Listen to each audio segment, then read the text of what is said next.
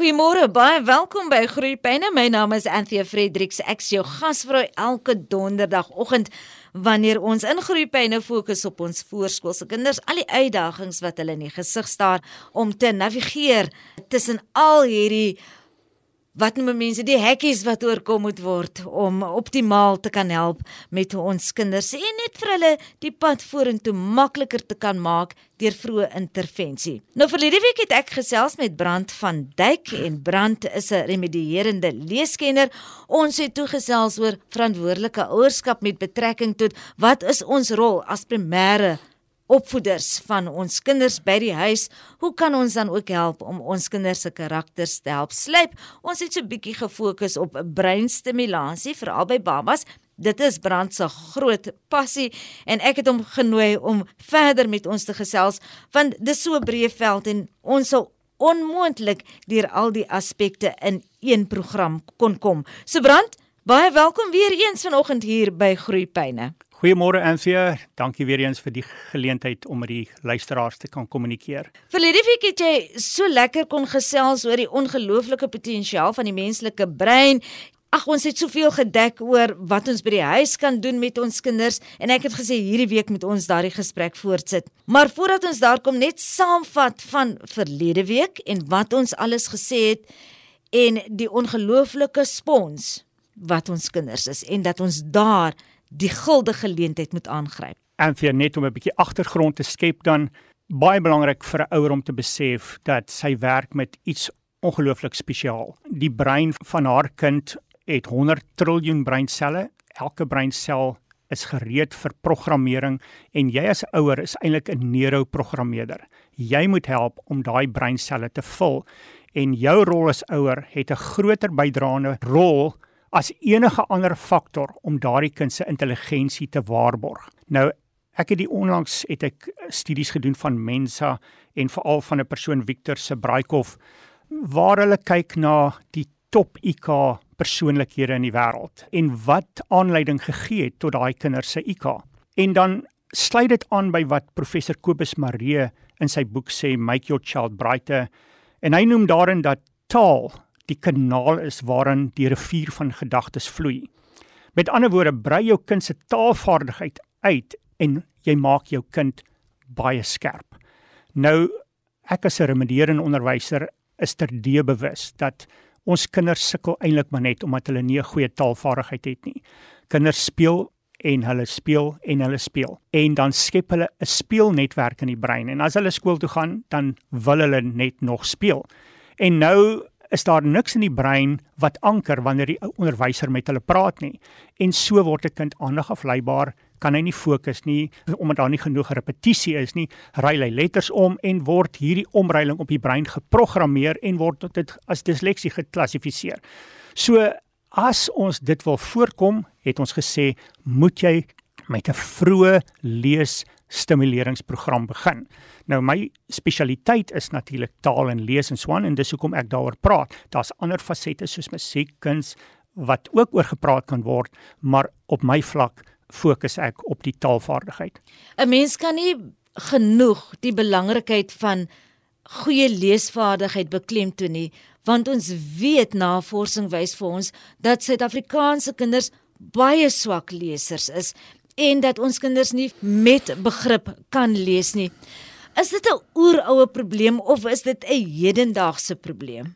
En ek dink daar was maar altyd leesprobleme en ek dink maar net dit is onkunde oor hoe lees in die brein geneuroprogrammeer behoort te word. Ek het ook laasweek genoem dat ons ons program is net te besig. Daar's televisies wat in die agtergrond blaar, kinders is op videospeletjies en al daai tipe dinge wat maak dat die omgewing is net te besig en ek wil ouers terugbring na die eenvoudige flitskaart. Nie 'n rekenaar nie, nie 'n tablet nie, 'n flitskaart wat diskreet is. Dit beteken die oog fokus op een feit op 'n slag. En dis hoe ons ook vir kinders leer om fonetiese klanke te bemeester. Jy leer hom nie met 'n weet 'n heel woord sê maar kat nie, maar jy leer vir hom eers abekde e edekbe. Hy moet sy fonetiese klanke goed ken en dan word die klanke naderhand woorde en die woorde word sinne en die sinne word boeke ensovoorts. Maar dit kom neer op diskrete inligting. een feit per breinsel. Dit help nie om 'n kind 'n lang lys woorde te gee wat hy moet memoriseer nie. Leer hom die fondasie eerste. En dit is hy moet kan klank, maar weet jy kan sê ek praat teen myself want van 0 tot 4 jaar gebruik ons flitskaarte met deelwoorde. Dis om die fondasie van taal te skep, maar hier van 4 jaar en ouer moet 'n kind 'n goeie fonetiese basis kry. En ek dink daar lê die rede hoekom kinders uit die bus uitval. Daai fondasie is nie stewig genoeg nie of daar's te min koneksies in die brein om die lees lekker te maak. Dit is so goed soos iemand wat nie 'n motor kan regmaak nie. Hy kyk vir die motor. Hy het al so 'n bietjie gehoor van hoe om 'n motor reg te maak. Hy's net nie gemaklik daarmee nie. Nou met 'n kind wat nie kan lees presies. Hy het al so 'n bietjie gehoor van lees en iemand het al vir hom gelees, maar hy's nie vaardig genoeg om homself te help nie. Dan hou jy ook op. Vertel ons 'n bietjie meer van die flitskaarte en ons gaan nou praat oor die aanwending daarvan, maar kom ons kyk na die estetiese waarde van 'n flitskaart en daarmee bedoel ek met dit kleurvol wees. Is dit uh, swart letters teen 'n wit agtergrond? Kom daar 'n prentjie by sonder dat ons daardie flitskaart oorlaai met te veel inligting? Dis 'n baie belangrike vraag, Anthea. Weet 'n flitskaart is iets wat 'n ouer oral met hulle kan saamdra. Veral in nou en load shedding het jy nie elektrisiteit nodig vir die ding nie. En dit is 'n intieme ding van 'n ma praat met haar kind. So met ander woorde ek wys vir die baba die woord en ek praat en ek trek daai mooi gesigsuitdrukkings en my hoë melodieuse stemtoon wat die ouer hoor. So ek is intiem besig om met my kind te praat en inligting woordjie vir woordjie op die brein te stoor. Ek begin gewoonlik met die onmiddellike omgewing. Dit beteken woorde wat die kind kan identifiseer rondom hulle soos my liggaamsdele, soos my huis, my kamer ensovoorts. En van daar af kan ek na die onbekende beweeg. Wat lekker is met 'n flitskaart, ek kan hom tuin toe vat en ek kan buite vir die kind wys. Dis die woord blom en ek kan 'n blom wys, 'n boom en 'n struik en 'n waterval en 'n fontein. Enigiets wat ek teekom, kan ek met 'n flitskaart verduidelik. Nou dis hoe die brein werk. Die linker brein van 'n kind is waar die woord gestoor word, soos sê maar waterval. Op die regterbrein word die prentjie gestoor. So jy moet die woord en die prentjie bymekaar uitbring. Dit beteken as jy 'n woordjie lees en daar's nie 'n korrelerende regterbrein prentjie nie, dan lees ek sonder begrip. So die prentjie is eintlik dit wat vir my begrip gee van wat ek in die linkerbrein gesien het. Nou ons leer ouers hoe om boeke te maak. Met ander woorde, jy moet leer hoe om 'n boek te maak vir jou kind. Maar as dit groot prente is met klein woordjies, dan fokus die oog weer net op die prentjie. Hy het glad nie die woord gestoor nie. So ons leer ouers hoe om die woord van die prent te skei. Daar's 'n belangrike konsep daaraan.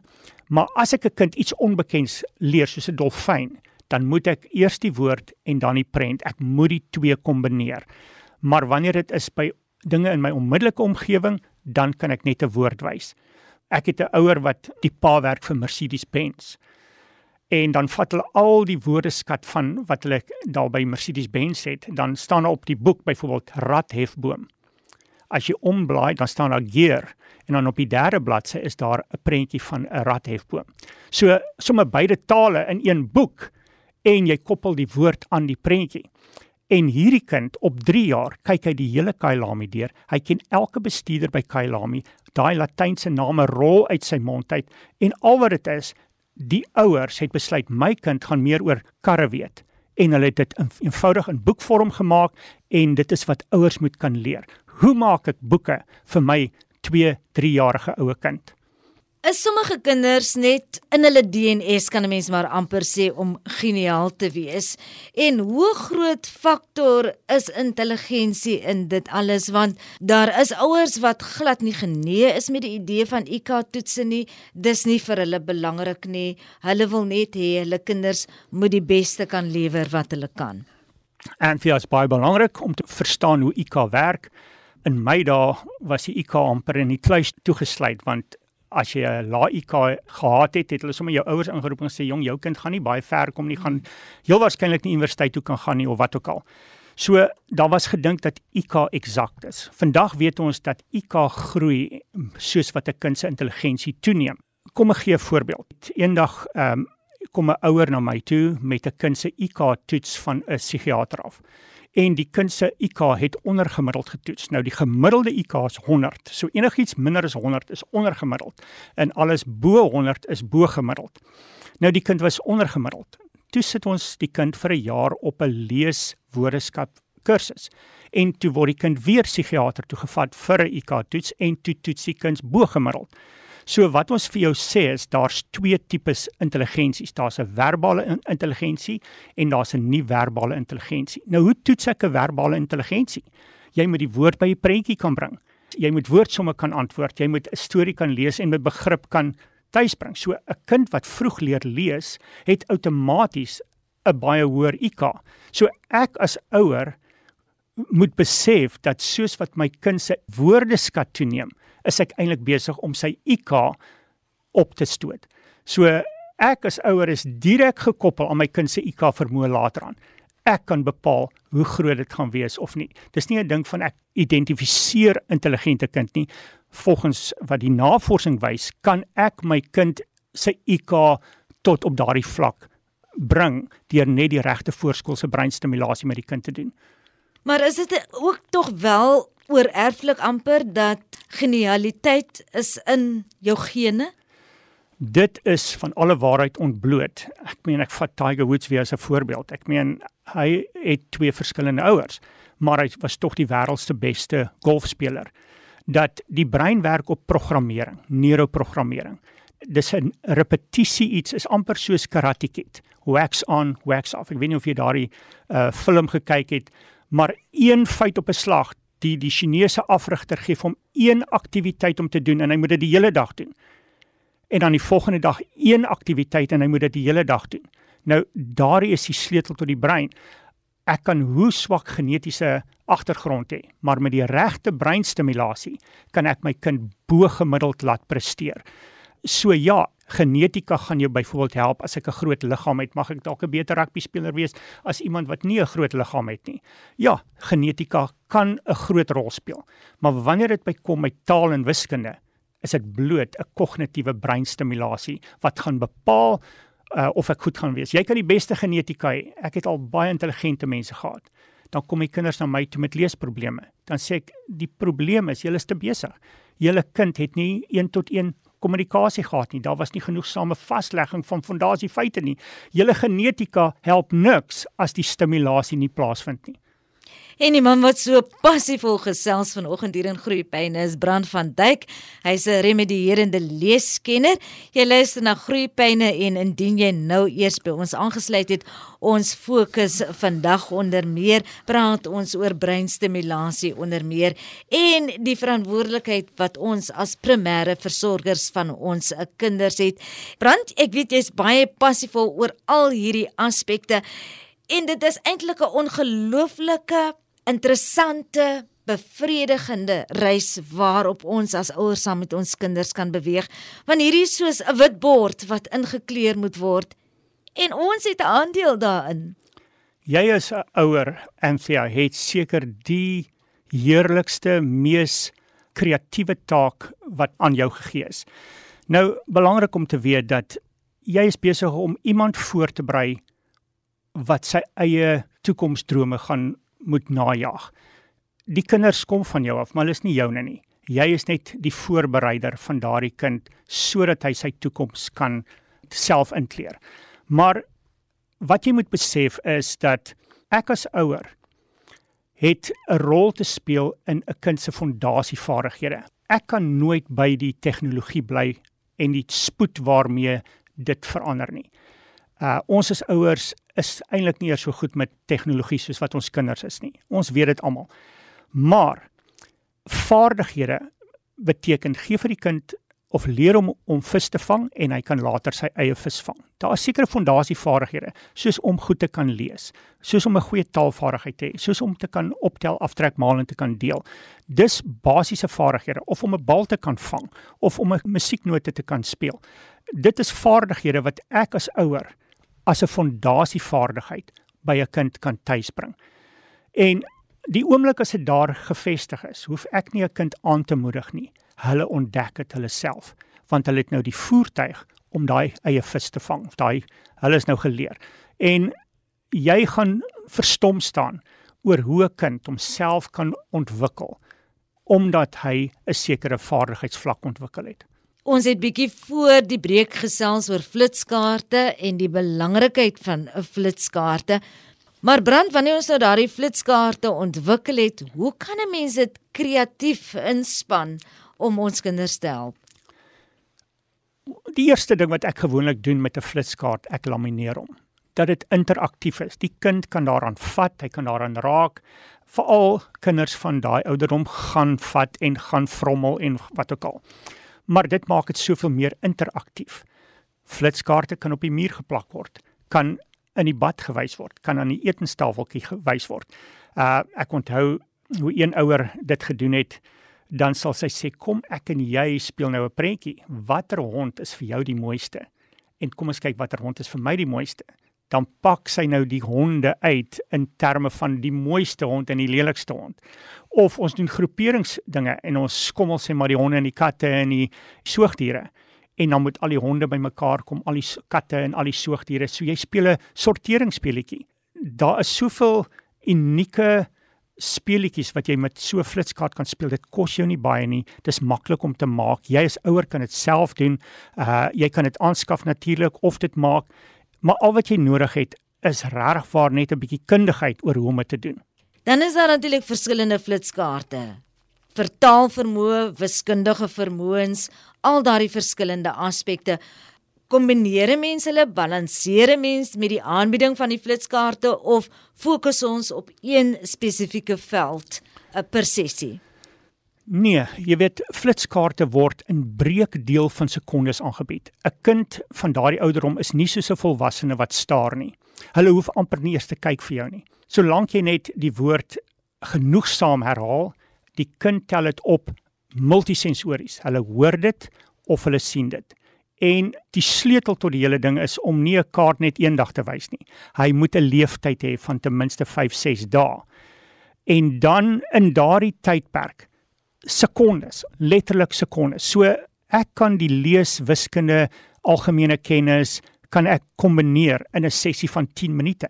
Dis hoekom ek sê ouers wat besig is, moet net eenvoudig daai 10 na 15 minute 'n dag afstaan vir hierdie absolute afgesonderde stimulasie sonder enige aftrekkings waar net jou gesig en die kind en daardie 10 minute. Nou jy kan sê maar ek vat 10 woorde van lees of woordeskat. Dis 10 sekondes. 10 wiskundige feite, dis 10 sekondes. 10 algemene kennis, dis nog 10 sekondes en ek multipliseer dit met 3 keer, dan beteken dit ek het vir my kind 30 feite 3 keer 'n dag gewys in 10 minute.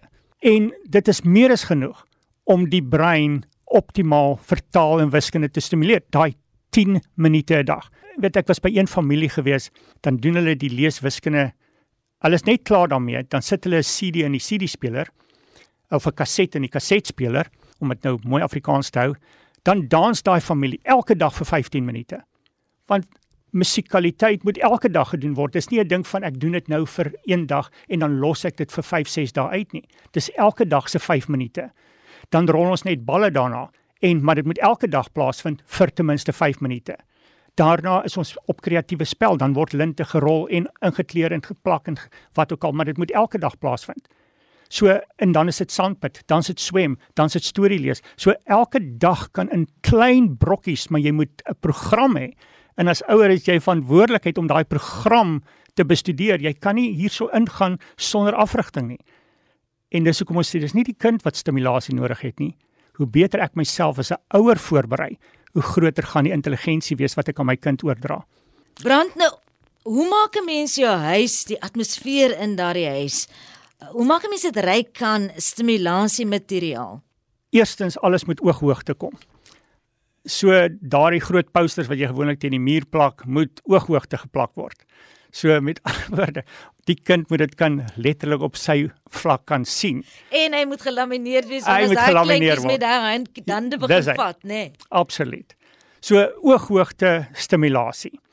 En dan soos ek sê, hoe ryker jy die omgewing maak volgens Dr Burton White, hoe groter raak 'n kind se brein blootstelling soos die muis wat in 'n besige uh, of 'n baie gestimuleerde omgewing groot word. So met ander woorde, ek moet iets hê vir motoriese vaardigheid. Ek moet 'n kind help om beter te kan kruip, langer te kan kruip. Ek moet iets hê om sy armpies sterk te maak. Ek ek weet byvoorbeeld Douman sal 'n besemstok hê en dan word die kind se boarms ontwikkel. Die kind word op die maag gesit sodat die nek stewiger kan word. So daar's baie klein aspekte net om jou motoriese vaardighede te ontwikkel. Met ouer kinders natuurlik 3, 4, 5 jariges gebruik ons baie klei want dit is weer goed vir die fynmotories, maar ons kombineer die die klei met die lees. Dit beteken as ek appel doen dan bou ek hom ook met klei. Uh so nou bou ons die kreatiwiteit saam met die lees. So jy as ouer moet weet om die twee bymekaar te voeg. En as jy die twee, die kreatiwiteit en die taalvaardigheid kan kombineer, dis nie werk nie, dit is nie jy's nou besig om 'n kind oor te stimuleer nie. Dit is letterlik jy speel die kind intelligent. Maar jy ontwikkel dan die kreatiewe vaardigheid, jy ontwikkel die taalvaardigheid en alles word saam ontwikkel. Weet ek het eendag met 'n arbeidsterapeut gepraat en sy sê jong in Suid-Afrika word ons so in ons keel afgedruk dat ek nie 'n kind voorskool moet leer lees nie. Sy sê kom ek in Taiwan, ek is nou 'n arbeidsteur in Taiwan. Sy sê en weet in Suid-Afrika almal vang balle en almal sport by hep en al daai tipe dinge, maar hier kom ek, die kinders kan amper nie eens 'n bal raak vang nie. Maar op 4 en 5 lees hulle beter as ons eh, graad 2 en 3 kinders. So toe besef sy, maar ek kan eintlik die twee saam doen. Ek hoef nie net 'n kind motories groot te maak voordat ek die kognitiewe gedeelte doen nie. Ek moet die twee van onder af, van geboorte af, kan ek die twee saam ontwikkel en ek dink dis waar ons die punt wil tuisbring. So hier is tydsbestuur. Baie belangrik dat 'n mens hierdie program vir jou moet uitwerk dat jy nie oor jou voete gaan val nie. Baie belangrik. En natuurlik wie gaan die stimulasie doen? As jy as 'n ouer vas werk kry iemand wat jy weet kundig genoeg gaan wees. Jy moet baie sorgvuldig die persoon kies wat na jou kind gaan kyk. Daai nanny wat die kind ronddra moet 'n gesprek voer met die kind want die gesprek is waar die stimulasie lê. En as jy maar net dink dit gaan slaap en voeding wees, dan maak jy die fout van jou lewe. Daai eerste 3, 4, 5, 6 maande moet intense gesprekvoering op twee tale en drie tale wees. So dit is nie 'n geval van net 'n brein moedertaal nie. En dis so goed jy sê my kind is 'n is 'n goudvis ek moet net een taal vir hom leer. Die brein is so kragtig, ek kan 2, 3 tale voor 5 en 6 leer. Hoekom moet ek my kind beperk tot een taal terwyl hy nog 'n musiekinstrument ook kan speel en nog sportief ook kan wees? Daar is soveel dinge en dit is 5, 6 minute 'n dag. Dis nie hierdie lang dierige dat ouers nou moet dink, weet, uh, nee, jy's ek gaan my kind nou te veel aan akademie blootstel nie. Nee, dis 'n speletjie en kinders geniet dit om te leer. Hulle sal graag meer leer as wat hulle wil eet. Ek is bly jy noem dit want baie keer as 'n mens eh, die goed teen mekaar begin opweeg, is die groot vraag: is ons nie besig om ons kinders te vroeg ryp te wil druk nie deur soveel klem te lê op al hierdie akademiese vaardighede of die vaslegging daarvan? Moet kinders nie maar net kinders wees nie, brand? Dit is waar, maar kinders gaan nog steeds kinders wees. Kom ek verduidelik vir jou presies hoe kinders kinders bly. Eendag bel 'n pa my en sê: "Nee, my kind het mal geword." Hy sit hier voor die deur met sy appelusies in speel en hy wil weet wat het ons met sy kind aangevang? Hoekom speel hy nou met appelusies en wat is appelusies? Daardie spesifieke dag of week was ons besig met die Appaloosa perd. So hy speel nog net soos altyd met sy blokkies, maar nou is die blokkies nie net 'n nie net 'n blokkie nie, dis nou nie net 'n perd nie, dis 'n Appaloosa perd of is 'n Hackney perd. So jy gaan nog presies dieselfde speel. Dis net die taalvaardigheid wat jy aan die speel koppel is op so 'n hoër vlak. En kinders maak interaksies. Met ander woorde, jy weet die Wright brothers het die eerste vliegtyg uitgevind en dis hoe 'n vliegtyg lyk en dis die verskillende vliegtyg, dan maak die brein interkoneksies tussen die die skepper van vliegtye en die vliegtye. Jy weet, en dan doen jy lande van die wêreld, vlae van die wêreld, nou koppel jy die land aan die vlag. So jou brein maak interaksies en nou sit die kind voor die TV en sê pa, kyk, daar's Amerika se vlag of daar's Rusland se vlag of wat ook al. So met ander woorde, die waarneming van daai kinders is net soveel skerper. Hulle sien dinge. Jou oog sien net raak wat op die brein geprogrammeer is. Anders sien jy dit nie eers raak nie. So daai stimulasie van repetisie oor 'n sekere tyd maak dat jou brein optimaal gestimuleer word en dat jou oog dit raak sien en jou oor dit hoor. Jy kan nooit vervelig wees as jy kan lees nie. En so gesels Brand van Duyker met die herende leeskenner vanoggend hier in 'n groeipyne.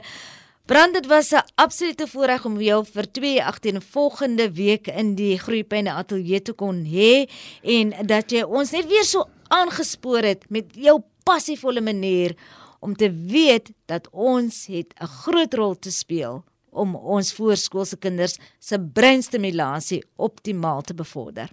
Baie dankie Anthea, dit was 'n geweldige voorreg om met die luisteraars te wees.